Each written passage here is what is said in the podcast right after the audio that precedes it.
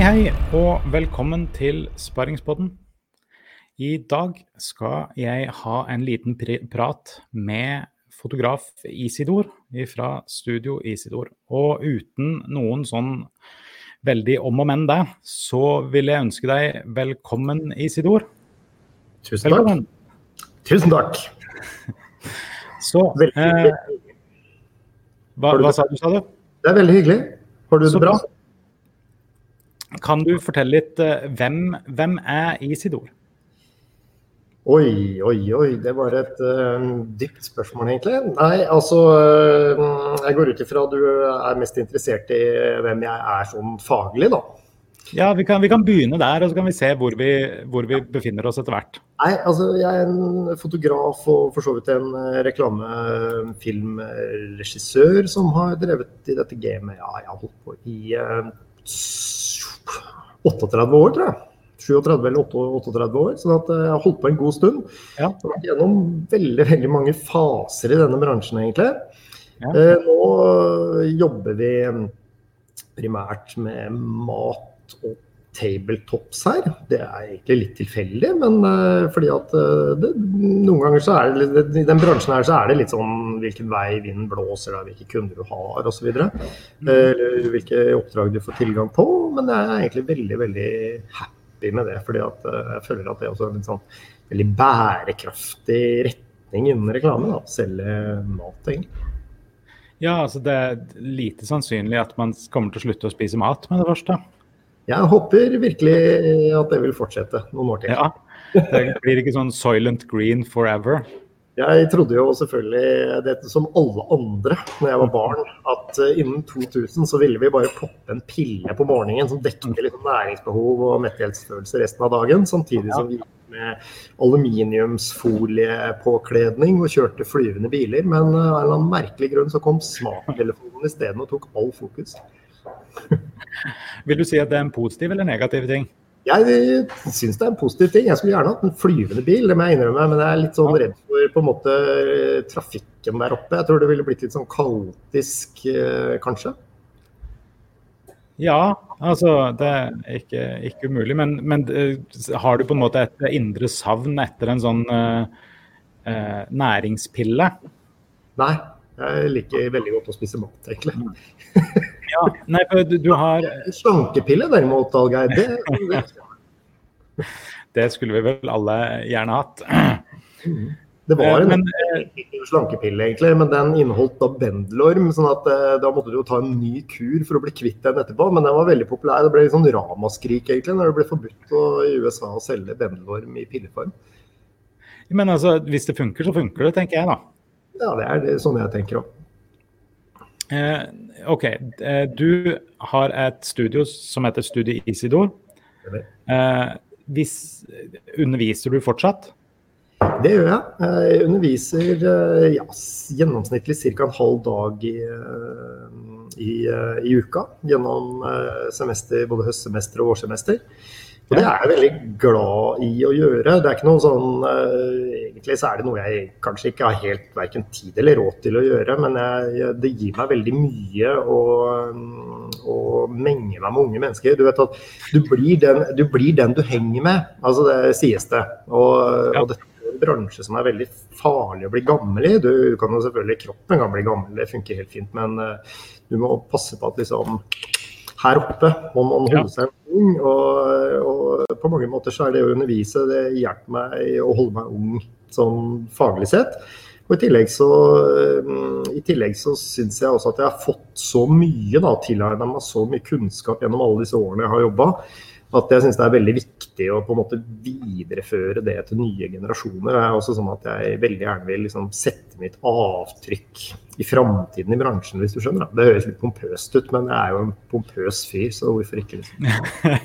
Ja, men, men det handler jo òg litt om hva man vil. Eh, og jeg tenker det at eh, hvis du ikke har eh, Altså, hvis du hadde vært fotograf uten ønske om å sette igjen et avtrykk, så hadde du ikke vært en veldig god fotograf, mest sannsynlig. Nei, jeg skal, ikke, mm, jeg skal ikke svare bekreftende eller avkreftende på det. Men jeg tror at eh, det er kanskje sånn at det, det passer for noen, eh, men det passer ikke for alle. Så, men jeg liker det veldig veldig godt. altså, Det er frustrerende. Det, er, det, er sånn, det velter følelser. Jeg jobber jo mye med veiledning, eh, som rett og slett uh, veileder studentene gjennom ganske store prosjekter gjennom semesteret. Og, det er, og det er jo oppturer og nedturer og mye følelser i det, liksom. Men jeg syns det er ganske kult. Kult. Eh, når det gjelder altså, ting med jobben din og sånt, hva liker du best ved Eh, det å ta bilder? Nei, altså jeg tror at alle, alle, som på en måte begynner i et, et yrke som, eh, som, dette er, da, de, de, er jo i utgangspunktet liksom storytellere. Det er de ungene som liksom står på bordet og egentlig liksom forteller historier og finner på. Altså det, det, ligger noe på en måte grunnleggende i det, at det er noe du har liksom lyst til å fortelle. Men jeg tror at for mitt vedkommende og for veldig mange andre eh, fotografer som, som ligner litt på meg, kanskje sånn faglig sett, så har vi også på en måte den derre Eh, lille designeren i oss. Den lille eh, følelsen av altså, Og jeg er veldig sånn. Jeg føler at liksom alle synsforstyrrelser for meg er veldig liksom eh, vemmelig. Jeg liker at liksom alt jeg ser på har liksom en harmoni. Jeg, sånn, jeg liker å ha det liksom pent rundt meg. Jeg liker liksom Jeg, jeg, jeg vil aldri liksom kunne flytta i et stygt hus, skjønner du, for det er forstyrrende synsinntrykk. At jeg, jeg, har nok også den der greia at jeg liker på en måte den designdelen av det. Men reklame dreier seg jo i stor grad om å fortelle historier. Det er jo mange som syns det er litt rart, som ikke jobber med dette her. Men det er jo det egentlig reklame dreier seg om. er jo på en måte Å argumentere budskap og, og fortelle veldig, riktignok veldig veldig forenkla historier. Og i 2019 mye enklere enn de for, historiene vi fortalte når jeg begynte på 80-tallet, egentlig. Der har reklame liksom forandra seg en god del. Da. Ja, hvordan vil du si at den har, altså, Hvilke ting har den forandra seg mest med? da? Nei, du kan tenke deg at når jeg begynte da i 83, så hadde man, eh, da hadde man eh, liksom avisleserne. Det var jo aviser som var den store annonseplattformen den gangen. Aviser og ukeblader. Da hadde man på en måte leserens fulle attention. Altså Når man liksom trykte en annonse i Aftenposten over en dobbeltside, så var det ingen som bladde forbi den før de liksom hadde perseptuert den annonsen. Og det vi jobba jo veldig mye til egentlig langt ut på 90-tallet og kanskje nærmere 2000 også, med, med det som vi liksom betegner som intelligent reklame. Da. Reklame som, liksom krever noe av deg. En liten tvist i ideen hvor du liksom må tenke litt. Og når du tar den, så på en måte så, så Den var smart. Ja, så sitter det budskapet så innmari godt i underbevisstheten din. Ja. Men i dag sant, det er at det vil jo aldri funke på Facebook. Og det er faktisk sånn det har blitt. Da, at det er kanskje Facebook, Instagram Instagram for eksempel, er, det nesten, er det kanskje det eneste stedet du kan møte unge kvinner mellom 18 og 30. Eh, og, og, det vil si at du har veldig kort tid å kommunisere på. sånn at reklame har forandra seg ganske mye på den måten at uh, reklame i dag er mye mer direkte. Folk krever egentlig liksom, og det, det merker du sjøl også hvis det ringer en telefonselger. Det verste som kan skje, det er at han sier ja, Hallgeir, eh, hvilket teleabonnement har du i dag? Så skal du liksom begynne å svare på spørsmål som ja, det er, det er sånn, Den smarte måten er jo bare å gå rett inn og si at jeg kan tilby deg teleabonnement som koster det og det og det. Er du interessert? Ja eller nei? Eh, ikke? Det, og sånn må vi på en måte i mye større grad jobbe med reklame i dag. Da. I hvert fall på de plattformene. ikke sant? Så TV fremdeles eh, funker TV kanskje i stor grad sånn som TV alt har fungert. Men jeg syns ting har forandra seg litt der også. Ja. ja. altså jeg må eh, Jeg skal komme med en innrømmelse her. At jeg har jo jobba eh, på telefonsalg eh, i min ungdom. Eh, men, men det jeg vil si at jeg var flink til der, var at jeg hadde de korteste nei-samtalene. Mm. Fordi at det, eh, hovedpoenget var å få fram selling points. Altså Hei. Uh, OK, uh, jeg hadde en hel stikk med få høre på stemmen du hadde den gangen, Geir. Ja, ja, tingen var, Jeg var 19 år, og så segmenterte vi ut Eller han som var sjefen min da, han segmenterte ut eh, damer 45 pluss. Og så la jeg ned stemmen hit, og så ringte hun og sa Hei, det er Hallgeir, jeg ringer fra Victel. Jeg ser at du tidligere har prøvd Victel Sport hos oss. Lurte på om du var fornøyd med det? Nei, det var nok ikke det. Mye tabletter og sånt. Vi har utviklet et kosttilskudd nå spesielt med tanke på dere kvinner. Med nattlysolje og B6. Det er jo, ja. Så det, den, den funka veldig bra, da. Du, Men du husker det, ja?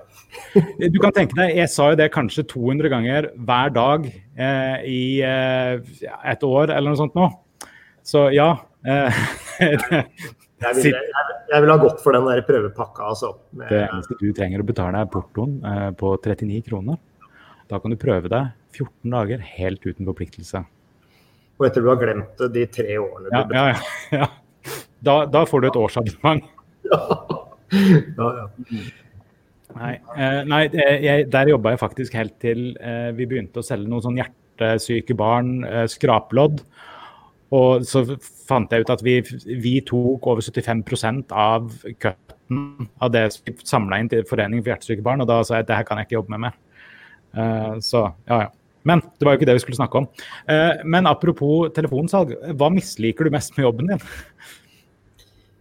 Nei, det jeg misliker Nei, det er veldig lite jeg misliker med jobben, men det er kanskje litt sånn at eh, det, er jo et veldig press. altså Det er jo en ekstremt tøff bransje. Det prøver jeg også å fortelle alle som liksom har lyst til å jobbe i denne bransjen. er at Du, du får jo ikke liksom et rolig øyeblikk. Du, kan, du, du har liksom ikke en natt du kan sove ut når du bekymrer deg for uh, hvordan framtiden din ser ut.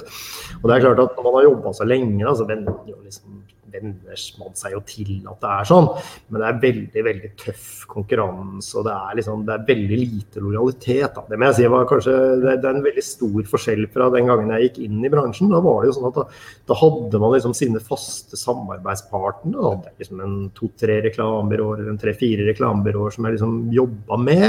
Og da gjorde jeg jo alt for de. De ringte jo liksom aldri noen andre. Det var liksom fast uh, fotograf. Det var liksom da, da, da, følte man liksom at man, at man, konkurrerte litt mindre. Da. da hadde man liksom mer fokus på å løse de jobbene man gjorde best mulig, sånn at man ikke ble bytta ut med noen som var flinkere.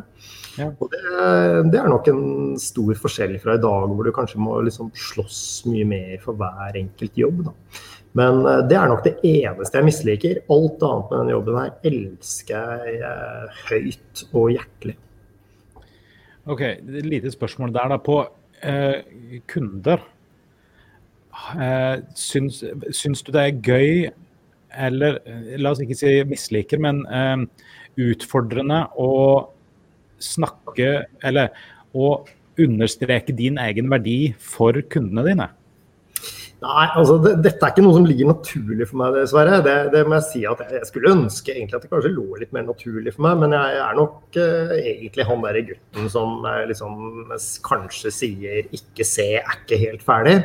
Ja. Men, si, men, samtidig, da, dette er jo en profesjon, og dette er jo noe jeg har måttet jobbe med liksom personligheten min i åra opp igjennom. Liksom, det er ikke noe problem å gå inn i et kundemøte og si at 'velg meg, jeg er best', eller 'vær dust og gå til noen andre', liksom. Jeg kan kanskje ikke ordlegge meg ikke akkurat sånn, men jeg, jeg, greier å si det uten at det faller naturlig for meg.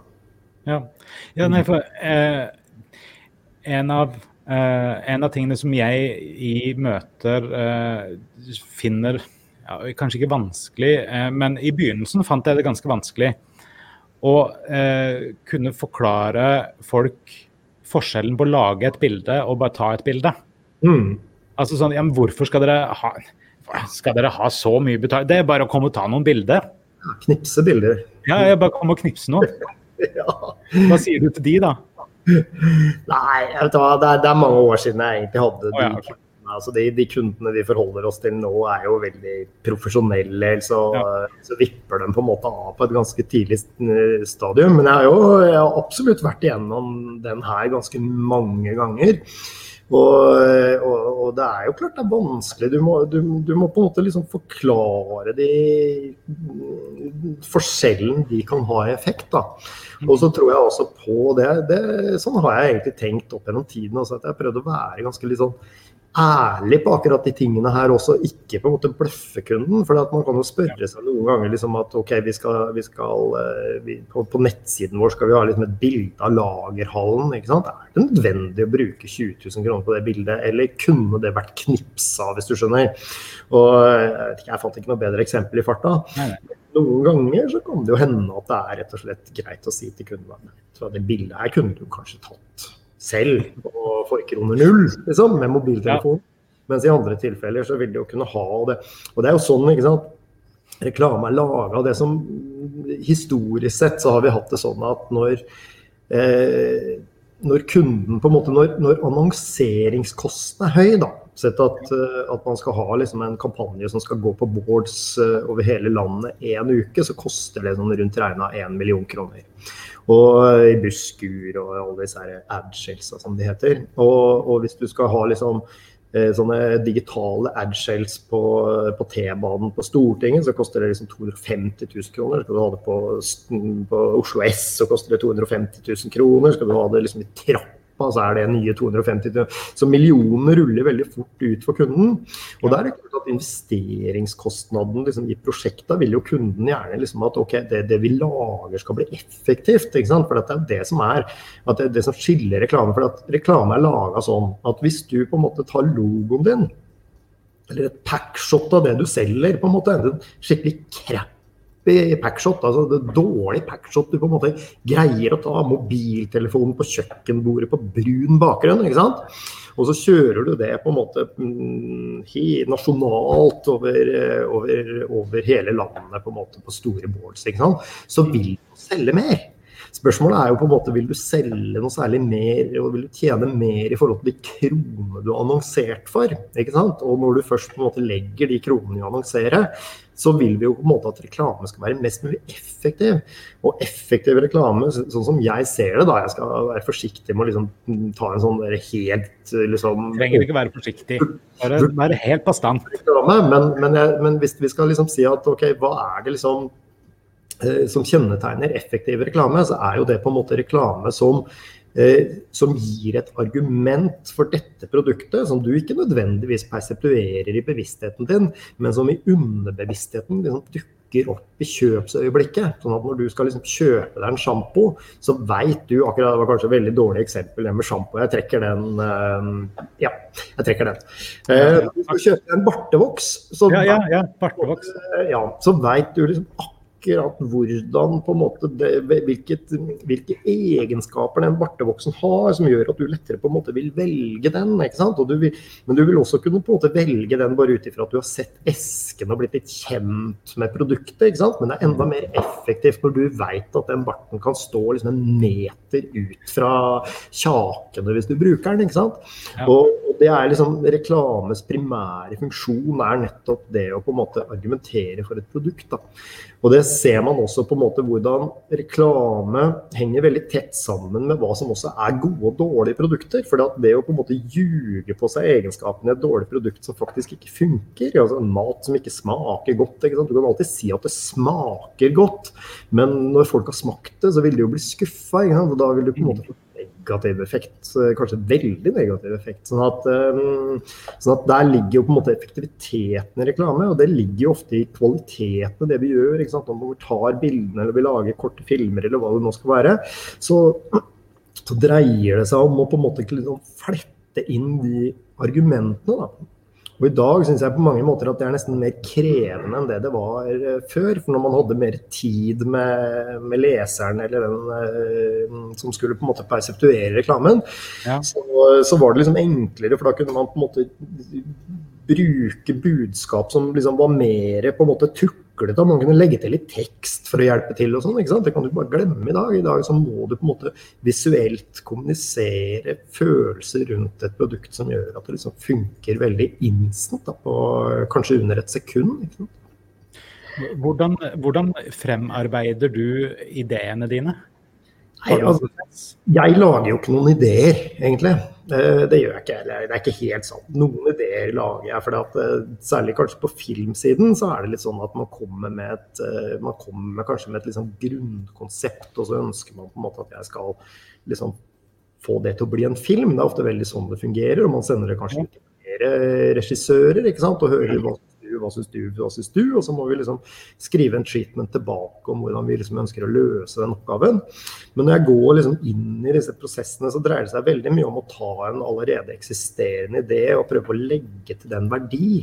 Og den verdien kan ligge i veldig mange ting. Den kan ligge i kompos det komposisjonsmessige. Altså hvor, uh, og det er noe jeg er veldig opptatt av. Det er hvordan føres blikket ditt. Hva ser du på først? Hvordan vil du flytte blikket fra det første punktet du ser i bildet, til neste punkt i bildet. Alle de tingene der.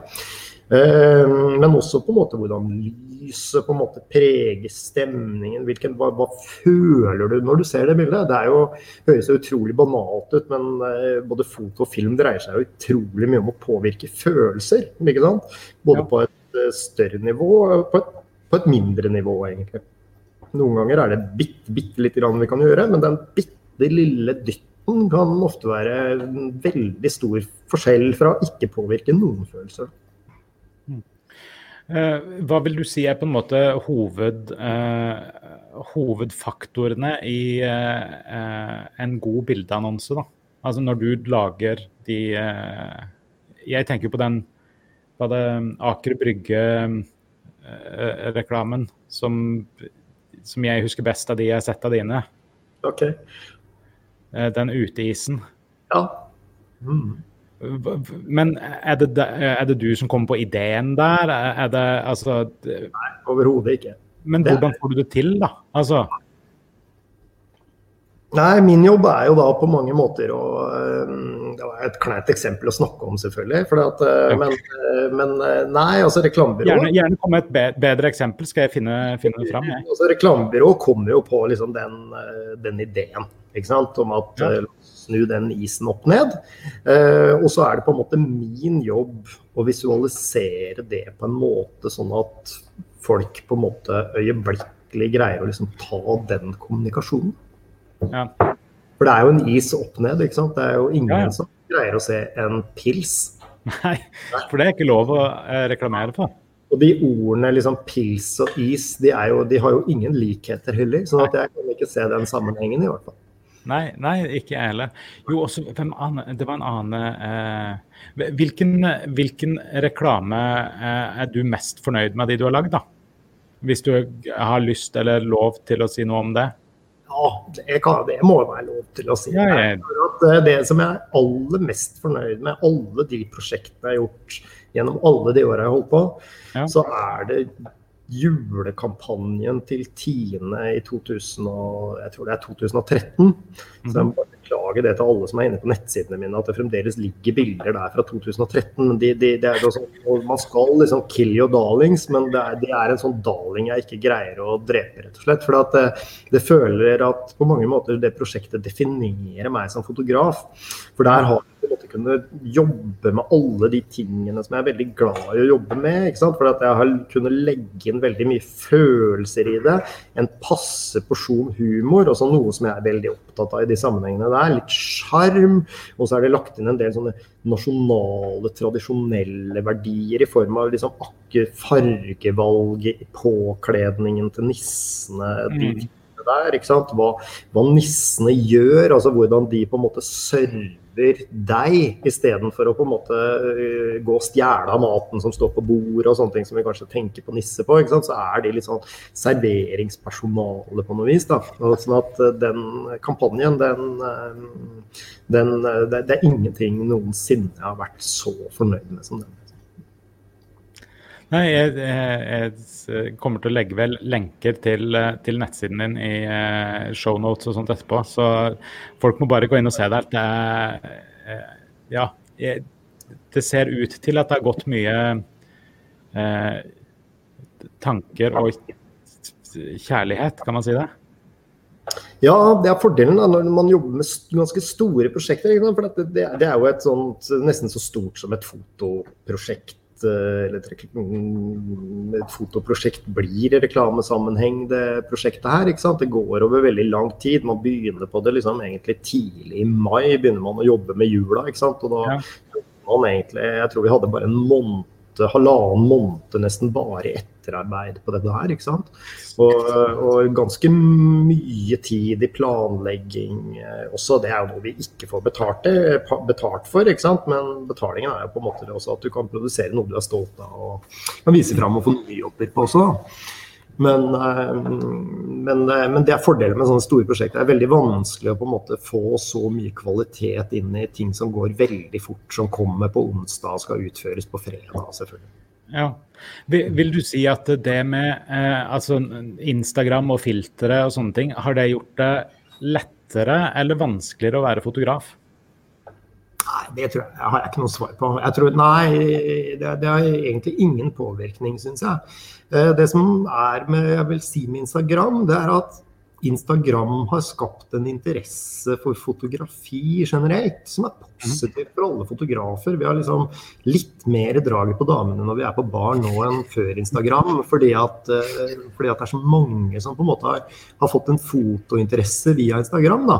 Og jeg tror nok liksom at filtra du har i Instagram altså er det ikke ganske deilig da å ta et bilde som er litt sånn medium? Altså, for Du har ikke så mange muligheter med den mobiltelefonen. Det er ikke så mye du kan gjøre. Du kan jobbe fram en komposisjon, et bilde som er så fint det kan. Men, men gjerne så er jo dybdeskarpheten tvers igjennom hele motivet og sånne ting som du ikke kan gjøre noe med med mobiltelefon. Og så mm. kan du gå ned og så kan du si at oi, det var tøft! Men jeg fikk liksom jeg, er veldig glad i det sjøl, jeg. Og jeg må si at det er ikke så ulikt noen som jobber heller. For at, eh, jeg må si det at nå, nå, nå, er vi inne i en periode hvor vi egentlig bruker veldig lite effekter i fotografi. Da. Nå, er, nå er fotografiet veldig sånn no filter-basert, egentlig. Men, men vi spoler tiden tilbake på 90-tallet. Det var på mange måter mørkeperioden for Eller kanskje litt sånn rundt 2000. Det var mørketiden for eh, norsk reklamefotografi. Og grunnen til det, det var jo det at vi hadde fått TV 2 og TV-reklame. Og det ble kjempestort, og det gjorde jo at, eh, at eh, reklamebyråene hadde jo kun fokus på det. Så det blei jo sånn at liksom, å shit, vi må ha noen bilder til dette prosjektet her, til annonser som skal gå over hele landet også. Ingen møtte jo opp i fotoopptak engang. Man fikk bare en skisse liksom, tilsendt på. Ikke sant? Og, men det var litt redningen i den perioden, det var at, vi, vi, um, at designerne de tenkte helt annerledes. De som jobba med årsrapporter, de som jobba liksom mer med design. Mm. Og og, og, og, de var veldig interessert i at vi som fotografer på en måte skulle utfolde oss mer kunstnerisk gjennom bildene. Da. Det var en veldig gøyal periode. Det er ingenting sånt liggende på nettsidene lenger. For det er jo egentlig bare å fortelle alle at du er en jævla gammel mann, og at folk styrer langt unna, liksom. Så det kommer ikke Men jeg, egentlig så hadde jeg lyst til å sette opp på nettsiden og ha et slags sånn historisk arkiv, hvor jeg liksom kunne legge ting liksom fra både 80- og 90-tallet og 2000-tallet. Eh, for, for, det er jo mye gøyale ting. Det er veldig gøy å liksom se tilbake på det, men eh, jeg kan jo ikke ha det liksom liggende i porteføljen min. Men, eh, men, da jobba man jo liksom veldig mye med, med uttrykk og sånn. Og det er måten man liksom finner de uttrykkene på, det er på mange måter det samme som på det Instagram-filteret også. At man går jo bare og prøver. Jeg lurer på hva skjer hvis jeg tar disse bladene og vifter de foran linsa med litt lang lukkertid. ikke sant? Ja, nei, det blir fint. Hva hvis jeg legger at jeg zoomer samtidig kjempefort mens jeg ikke sant? Å, det blir fint. Men hva hvis jeg spraymaler disse bildene, nei, disse bladene røde? ikke sant? Å, da blir det enda fint. Det var litt sånn, det var litt jobba. Jeg syns ikke det er så ulikt det, å sitte og sveipe gjennom de der Instagram-filtra, egentlig. Så jeg er egentlig veldig glad i det. Hvis du, skulle, hvis du kunne dratt 37 år tilbake igjen i tid mm. og gitt uh, fortids-Isidor uh, du, du, fikk et minutt til å snakke til fortids-Isidor. Uh, ut, utover sånn investeringstips og sånt, hva ville du sagt til, uh, til han? Ja, skjønte jeg spørsmålet ditt, egentlig. Du tenker at nå spoler jeg ta, til, tilbake liksom, til 1980? Ja, nei, du, du, får lov til å reise tilbake igjen i tid, før du starter opp uh, profesjonelt som fotograf. Du får lov til å gi deg sjøl noen tips, liksom? Ja, du får lov til å gi deg sjøl noen tips. Hva ville du sagt? Eh, nei, det jeg tror jeg ville sagt, det var at uh, vær interessert i trender. Uh, og se på den gangen var jeg ung sjøl, så det var ikke noe stort problem. Men se på alle de som er yngre enn deg. Hva gjør de? Hva lager de? Hva liker liker de? Hvordan ser de bildene de legger ut på Instagram? Det var ikke noe Instagram den gangen, men, uh, men ikke sant? Hva, liksom. ja. ja, for det, det, er egentlig det som har holdt meg levende gjennom disse, disse årene. Liksom. For det er en veldig vanskelig bransje å egentlig holde seg inne i så mange år. Det, så er det nettopp det at jeg har, at jeg har vært veldig sånn har prøvd hele tiden å sette framover. Liksom, hva kommer nå? Hva kommer nå? Og det er alltid sånn at, eh, at du ser det som kommer, og så tenker du at liksom sånn Oi, det syns jeg egentlig ikke var noe fint. Men da skal man liksom aldri tenke sånn at nei, men da bare gjør jeg sånn som jeg alltid har gjort. For da, da, står jo verden stille, ikke sant. Og du er ute av bransjen fortere enn fy. Sånn at eh, da, da, er det mer sånn at jeg ser at liksom, ok, hvilke nyanser kan jeg liksom vri på i den stilarten for å liksom få det til, å, til at jeg liker det, da. For hele tiden så skifter det sånn som nå, så er det liksom sånn at ok, nå er det mye farger som ligger i motebildet. For noen år siden skulle alt være liksom nordisk lys og lyse grått. ikke sant? Og så, og så det kommer liksom nye ting hele tiden. da, Og man må liksom bare lære seg å like det. For hvis man ikke gjør det, så, så kan man jo ikke gjøre det. Og da, da er det jo ikke noe gøy. Nei. Og ikke, eh, ikke minst i forhold til nye medier og sånn også, så har jeg alltid vært utrolig keen på liksom hele tiden være liksom eh, Tenke at liksom OK, kan jeg kan, kan, jeg, kan, jeg, lære meg hvordan kommuniserer vi på Facebook f.eks.? For, for jeg var jo selvfølgelig helt først på Facebook, liksom. Jeg hadde jo tre venner i eh, halvannet år. Ja. Og, eh, og, samme med, med Snapchat og, eh, også, ikke sant. At, og, og, og, det å liksom gå inn og analysere det mediet og liksom tenke at ok, hvordan kan vi bygge opp historiene våre her, sånn at de skal liksom funke i dette mediet, det syns jeg er utrolig gøy. Da. Det, er, det er sånn som man bare syns er gøy hvis man er liksom veldig inne i faget, og kanskje aller helst har liksom holdt på en stund. fordi at uh, når man er helt ny, så er jo alt gøy. ikke sant? Har du testa ut uh, TikTok? Nei, jeg har ikke det. Det, uh, det vil jeg utfordre deg på. Nå, jeg, jeg, har gjort det med dattera mi på ni. Mm. hun har en hemmelig konto som ikke har følgere. Men uh, så sa jeg at OK, skal pappa prøve, da. Og så ja. Jeg, jeg, har et par tusen views på et par av videoene mine. Ja. Nei, jeg skal, jeg skal, sjekke det ut. Jeg har uh, ligget litt um, i dvale der.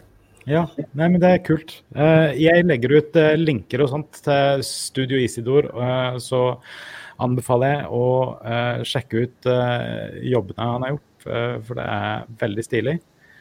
tusen takk for at du fikk Eh, at du kunne være med i studio her. Eh, veldig kjekt å snakke med deg igjen. Og så snakkes vi plutselig. Det var veldig hyggelig, Hallgeir. Ha en fortsatt strålende dag.